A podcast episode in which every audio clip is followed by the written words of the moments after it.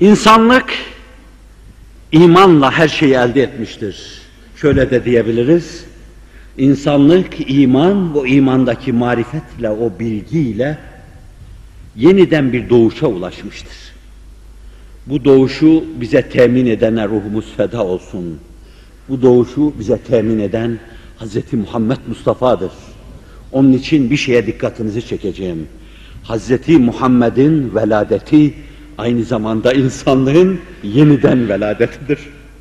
Hz. Muhammed doğarken insanlık yeniden bir kere daha doğmuştur.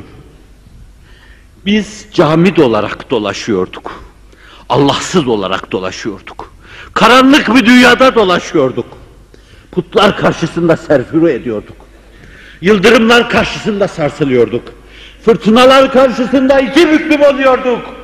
Çölün dehşet engiz manzarası karşısında iki büklüm oluyorduk. Onun doğuşuyla gökten yere bir nur indi. Bütün varlık aydınlandı. Bu aydınlanmış iklimde biz de kendimizin yeniden doğduğumuzu gördük. O sayede yeniden bir kere daha varlığa erdik.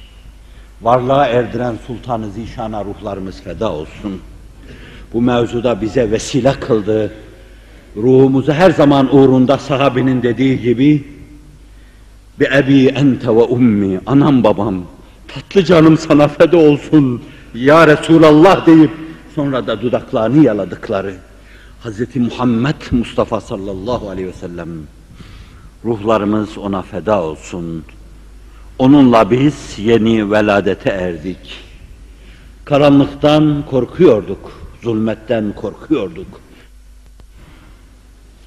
Dehrin hadiselerinden korkuyorduk. Her şeyden korkuyorduk, ona erdik, her şeyden kurtulduk. Bütün korkulardan kurtulduk.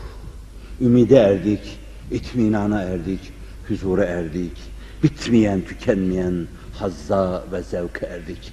Düşünün ki aradan 14 asır geçmiş olmasına rağmen sizler iki adım ödet, ötede ona ulaşma idraki, anlayışı, bekleyişi, ümidi, hülyaları, rüyaları içinde hala o marifetin dalgaları içinde bulunuyorsunuz.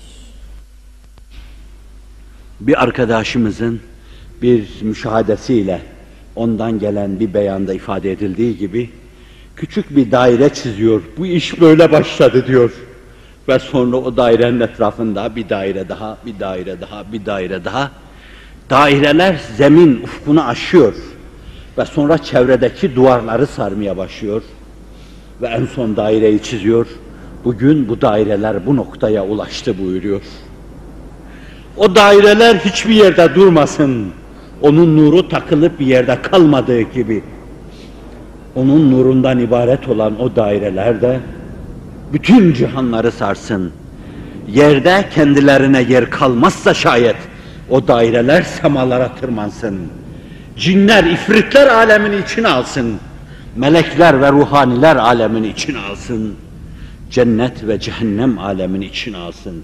Nasıl alacaksa alsın ama fakat nurunun ifadesi, ruhunun ifadesi, hikmeti vücudunun ifadesi o daireler durmasın. Ben sırasıyla şimdi bunları size arz etmeye çalışayım. Berat istihlal nevinden bir nura çıkma dedim. O bir aydınlanma dedim. Bir güç kaynağına ulaşma dedim. İnsan nura çıkarsa, itminana ulaşırsa, huzura ererse yeniden doğacak. Sizler de çoğunuz bir yeniden doğuşa şahit oldunuz. Bir yeniden doğuşu sizler de yaşadınız. Bu itibarla anlarsınız onu. Belki 30-40 sene evvel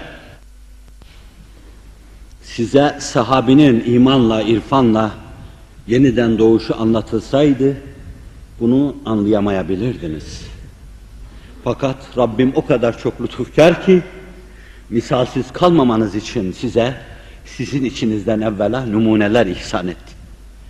Ve onun dediği gibi nurlu parmağıyla işaret buyurduğu gibi nurlu parmağına Kıtmir'in ruhu feda olsun. O daireler zamanla genişledi, genişledi, genişledi. Her yerde misalleri görülmeye başladı. Misaller o semai risaletin ayları, güneşleri durumunda olmasa bile, peygamberlik semasının yıldızları durumunda olmasa bile, fakat bunlara bakınca onlara ait çok şeyleri tedavi etme imkanları doğdu bizim için. Onları hatırlama, onları düşünme, onları tasavvur etme imkanına sahip olduk. Ve bugün biz bu imkanlara sahibiz. Ömer derken anlamıyorduk, Hamza derken anlamıyorduk, İkrime derken anlamıyorduk, İbn Hişam derken anlamıyorduk. Ama günümüzde birer birer küfürden sıyrılıp yeniden imanla dirilen nesilleri gördükçe bunları da yavaş yavaş anlamaya başladık. Allah Resulü'nün veladetiyle bir gün çok sevdiğim, daima düşüncelerini takdirle karşıladığım, kabul ettiğim birisi bana demişti ki, en büyük bayram nedir? Ben o en büyük bayram mevzuunda belki kemküm etmiş, kekelemiş, hecelemiş fakat doğruyu söyleyip söylemediğimi bilemiyorum. Belki mesela ümmeti Muhammed'in affı demiştim. Belki insanımızın yeniden bir daha dirilişi demiştim. Belki yeniden aslı saadetin bir kere daha yaşanması demiştim. Belki Mevla'nın bizi toptan affetmesi demiştim. Belki bütün insanlığın Hz. Muhammed Mustafa'nın şefaatine en geniş manada mazhar olduğu an demiştim. Ama bunların hepsini ihtimal başını sallamış ve sonra da takdir edeceğim şu sözü söylemişti. İnsanlığın en büyük bayramı Hz. Muhammed Mustafa'nın veladetidir demişti. Ve siz onunla alakalı damlalarda, reşhalarda, sızıntılarda gezerken göreceksiniz karanlıklara meydan okuyan o insanı, karanlıkları boğan insanı, ışığı ortaya çıkaran insanı, ışık ordusuyla onları arkasına alıp karanlığa karşı savaş veren insanı görecek ve gerçek bayramınızın onun veladetiyle gerçekleştiğini anlayacaksınız. İşte onun veladetiyle Hazreti Ömer yeni bir veladete eriyordu. Arada ihtimal, siyercilerin tespitine göre tam 13 senelik bir mesafe vardı. Yani Hazreti Ömer mübarek ayağını dünyaya attığı zaman Allah Resulü'nü 13 yaşında bulacaktı. Fakat onun nurdan iklimi, onun nurdan aleminin dünyanın ufkunu sardığı, dünyanın ufkunda şafaklaştığı, bir fecri sadık haline geldiği bir dönemde doğacaktı. Onun için müteessir olacaktı ondan. Onu hemen vicdanında duyacaktı. Her ne kadar küfür hesabına çetin, şedid, o mevzuda kararlı görünse bile. Fakat aslında Ömer doğduğu andan itibaren sahip bulunduğu ve kendisini muhafazasına adadığı o küfür hakkında ciddi tereddütleri ve şüpheleri vardı. Ömer gibi bir dimağın öyle küfre takılıp gitmesi mümkün değildi. O hakperest bir insandı. Hakkı arıyordu. Batıl bir külah gibi başına geçmişti ve Efendimizle tanışacağı ana kadar o yalancı külahı başında taşıyacaktı. Gayreti sağlamdı, samimiyeti sağlamdı. O yeni bir doğuşunu arıyordu. Bu yeni doğuşuna Allah Resulü'ne peygamberlik geldikten üç sene veya dört sene sonra erecek, idrak edecekti. Belki 30 yaşındaydı o dönemde. Gözü pek, yüreği pek, iradesi pek. En çalımlı, en çetin olduğu dönemde Allah Resulüne teslimi silah edecek. O da veladetine erecekti, yeni doğuşuna erecekti. Hazreti Hamza Allah Resulü ile bir yaş, iki yaş aralarında fark var mıydı, yok muydu bilemiyorum ama bazı siyer yazarları Süveybe'nin memesinden beraber süt emmişlerdi dediklerine göre demek ki aynı çağı paylaşıyorlardı. Amca olmanın yanı başında karabet adına bu bana yetmez sevgili yeğenim. Bir de süt kardeşi olalım. Zira daha sonra Esedullahil galip olacaktır. Bazusu bükülmeyen, kolu bükülmeyen, kılıcı geriye dönmeyen, Allah Resulü'nün davasının yılmayan aslanı olacaktır. Ve öldüğü gün Zayıf bir rivayetle Allah Resulü'nün ruhuna fısıldandığı gibi göklerde Hamza Seyfullah yazıldı. Allah'ın kılıcı. Bu da Efendimiz'i tanımakla şöyle diyecektir. Çölde karanlıkla kaldığım zaman Allah'ın dört duvar arasına sıkıştırılamayacağını anladım sevgili yeğenim. O dağları, o taşları, o tepeleri, o vadileri, o gökleri yıldızlarıyla, sistemleriyle idare eden kudreti sonsuzun dört duvar arasına sıkışamayacağını anladım. O da yeni bir veladete eriyordu. İkrime Allah Resulü'nü tanıdığı zaman 40 yaşına yakındı. Fakat henüz doğmamıştı daha. O Ebu Cehil'in karanlık dünyasının döl yatağında bocalayıp duruyordu. Babasından sonra amcası İbni Hişam'ın ihtidasıyla adım adım Allah Resulü'ne ulaştı. Ve nihayet merhaben bin bir rakibil muhacir Allah Resulü'nün bu sözlerini duyduğu zaman o da veladete eriyordu. Habeşistan'a kaçmış, hanımının iknaıyla dönmüş Allah Resulü'ne gelmiş, huzur Risalet Pena'ya girerken her yerde et, ettiklerini Allah Resulü unutmuş ve ona şöyle demişti, sefine ile yolculuk yaptığı için, sefine ile yolculuk yapan muhacire merhaba. Muhacirlik dönemi çoktan geçmişti. Onu ilk Mekke'den Medine'ye hicret edenler yaşamış ve o ünvanı onlar almıştı ama Allah Resulü çok kadir şinastı. Kendisine çok kötülük yapmış. Fakat o gün yürekten kendisine inanmak üzere gelen İkrime'yi bir muhacir olarak karşılıyor. Merhaben bir rakibil muhacir diyordu. İkrime hayatının sonuna kadar unutmadı bunu. Sonra üç senemi yaşadı, Efendimiz'den sonra dört senemi yaşadı bilemeyeceğim ama o Yermuk'ta Halid'in yanında bir Halit daha, bir Halit olarak bir Halitlik sergilerken yeniden veladetinin hakkını veriyordu. Eğer sorsaydınız ona kaç yaşındasın, dört yaşındayım diyecekti. Halid'e sorsaydınız sen kaç yaşındasın, ben de altı yaşındayım diyecekti o gün. Çünkü gerçek veladete Allah Resulü ile erdiler. Sultanı kainat içlerine doğmuştu. Batıl her şeyi yıkmıştı. Ve içlerinde onların özlerine ait yeni şeyler teşekkül etmeye, yeni manalar, yeni mefhumlar teşekkül etmeye başlamıştı. Sofiler insandaki ikinci benliği, ikinci fıtratı, ikinci tabiatı bir ayet-i kerime ile tefsir ederler. İnnel muluke izâ dehalû qaryeten efsedûhâ ve cealû e'izzete ehliha ezille ve kezâlike yef'alûn.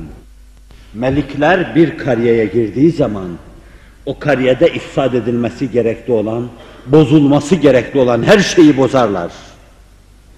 وَجَعَلُوا اَعِزَّةَ اَهْلِهَا اَذِلَّةً İçindeki azizleri zelil kılarlar. Dolayısıyla zelilleri de aziz kılarlar. Ve işte böyle yaparlar. Bu Seba Melikesi'nin Hazreti Süleyman Aleyhisselam'dan name geldikten sonra kavmine ifadesiydi. İnnehu min Süleyman ve innehu bismillahirrahmanirrahim ve iki ayet aşağıda innel muluke izâ dehalû qaryeten efsedûhâ eizzet ehliha ezille ve kezâlike yef'alûn diyordu. Süleyman buraya girerse burada size geçmişinize ait hiçbir şey bırakmaz. Süleyman'a göre yeni şeyler ihya eder. Süleyman'a göre bir dünya kurar.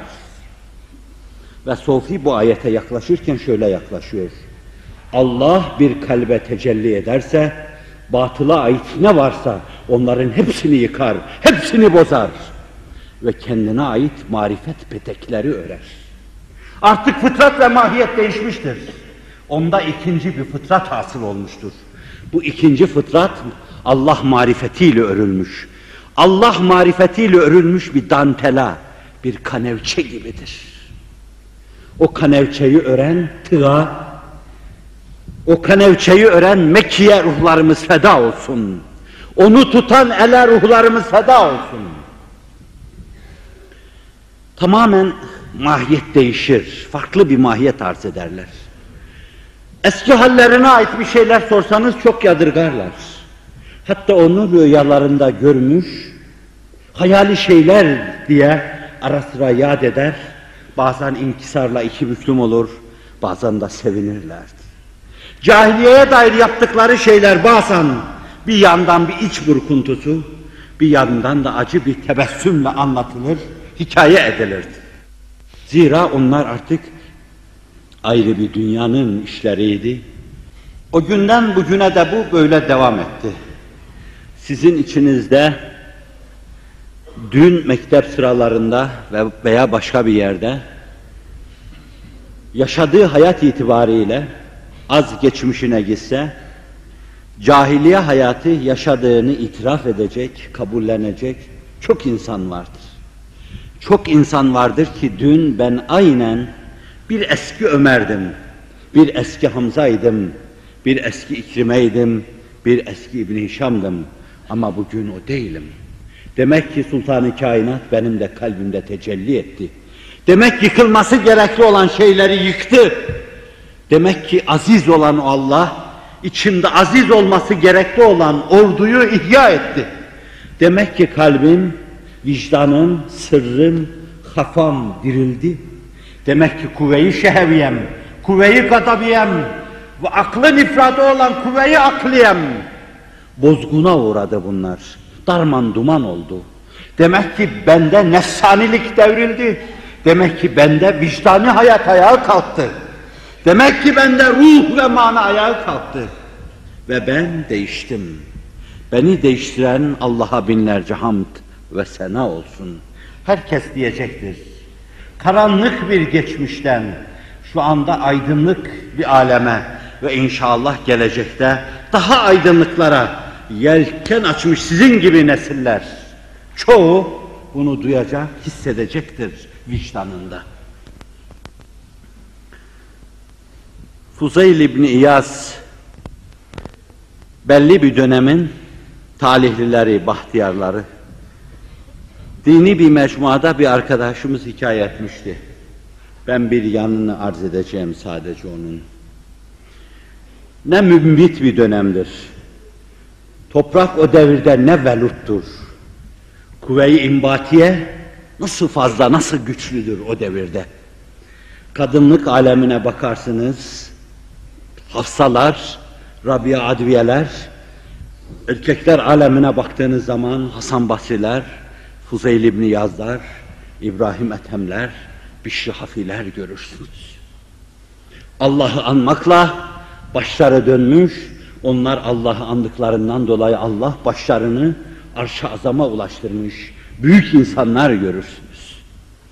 Bişri sokakta yürürken Bağdat'ta hep yalın ayak gezer. Sahabinin ayaklarıyla, çıplak ayaklarıyla gezdiği bir yerde ben ayağımı onların bastığı yere basamam diye. Nasıl ki İmam Malik Medine'de hiçbir zaman merkuba binmemiş. Ben merkuba nasıl binerim? Belki Resul Ekrem benim işleyimin ayağını bastığı yere ayağını basmıştır der. Onun için İmam Malik Medine'de hep yaya gezer, piyade yürür. Bişri Hafid odur. Bir gün sokakta yürürken Cenab-ı Hakk'ın mübarek isminin yazılı olduğu bir kağıdı bulur. Ve hemen bir attara koşar. Attardan bir dirhem bir dirhemi vardır. O gün sermaye olarak menkıbe yazarlar diyor. Sadece bir tek dirhemi vardır. O bir tek dirhemle koku alır. O yırtılmış, bir hayli ayaklar altında kalmış, tozun toprağın içinde bir hayli hırpalanmış, lafzı celale veya lafzayı celal. Onu güzel ıtırlar, öper, başına kor, sonra da yüksekten bir duvarın deliğine sokar. Elini aşağıya indirirken semadan kendisine doğru bir sesin aktığı, akıp geldiğini duyar. Ya Bişir, tayyebte ismi ismeke fid dünya vel ahire. İsmimi benim güzel kokularla hoş ettin. Kıyamete kadar dünyada ve ahirette senin ismini hep hoş edeceğim. Hep ıtır gibi ismini anırken, anarken hep ıtır haline getireceğim. Vicdanları öyle duyuracağım. Bu mübeccel neslin yetiştiği mümbit toprak, müsait zemin, Fuzeyl İbni Yaz bunlardan birisi. Ben onu arz edeceğim. Her birisi bir eğrilikten kopup gelmiş. Menkıbe yazarları derler ki, Fuzeyl günümüzdeki Rambolara meydan okutturacak kadar güçlü, kuvvetli, ordular bozan bir insandı. Devlet kervanlarını soyardı. Ama Kur'an da okurdu. Allah'a da inancı vardı ama günümüzde pek çoğunun inancı olduğu gibi bir inançtı. Henüz kalbe inmemiş. İman marifet ufkunu tutmamış. Marifet muhabbet şeklinde bir bulut halinde onun ruhunu sarmamıştı. Onun için bir gün bir yerden geçiyordu. Çalımlı çalımlı geçiyordu. Kulağına ihlasla Kur'an okuyan bir hafızın dudaklarından şu ayet geldi. Elem ye'ni lillezine amenu en tehşe'a kulubuhum li zikrillah. Allah'ı anmadan ötürü kalplerinizin haşyet duyacağı an henüz gelmedi mi diyordu. Bu sanki kendisine okunmuştu. Zaten Kur'an'dan gerçekten istifade edecek insanlar kendisini ama her meselede ona muhatap kabul eden insanlardır. Fuzeyl sanki bu ayeti ilk defa duyuyordu. İlk defa duyuyor gibiydi ve cevap veriyordu. Ana Rabbi, ana Rabbi diyordu. Geldi evet ya Rabbi diyordu. Tam şimdi zamanıdır diyordu. Seni anacak ve içim haşyetle ürperecektir geldi diyordu. Ve o anda dönmeye karar veriyordu.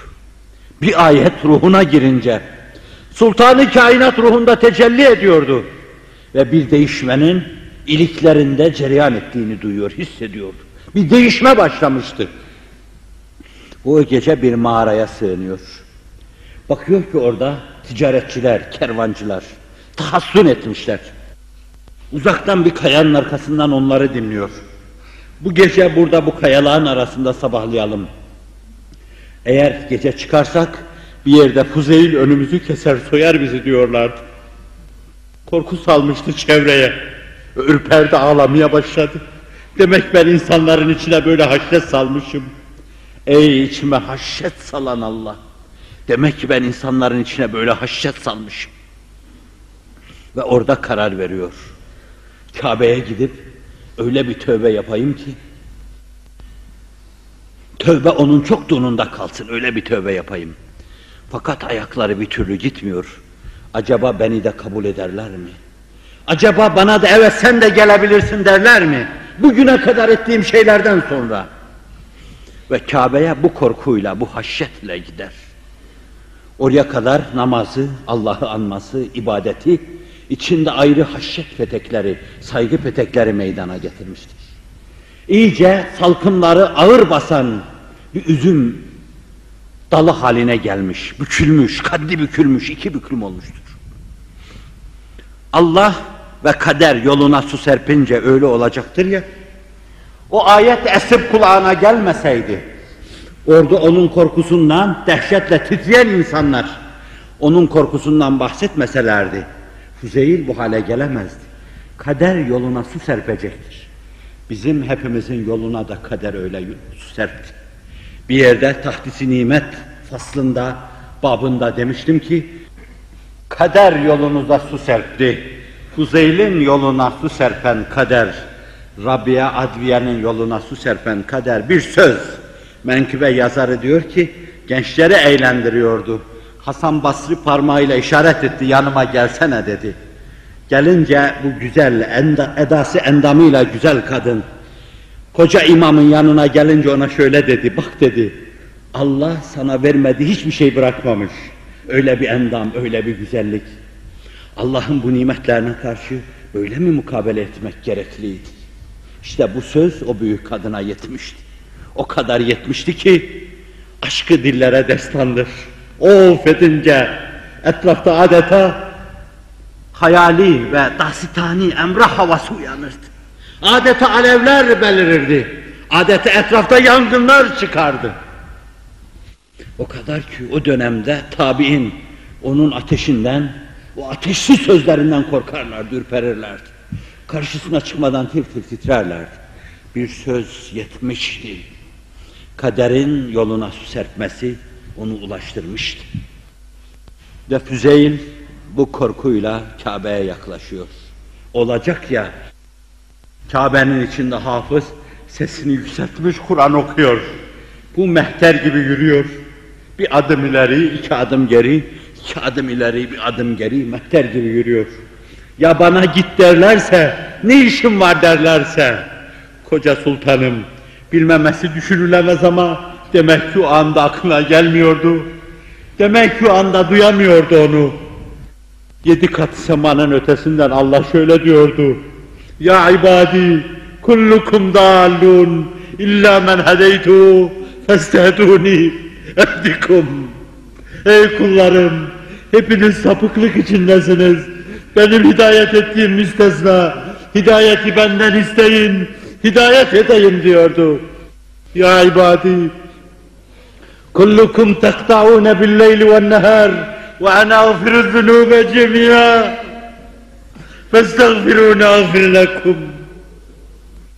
Subhanak Allahümme inni estağfiruke ve etubu ileyk. Subhanak Allahümme inni estağfiruke ve etubu ileyk.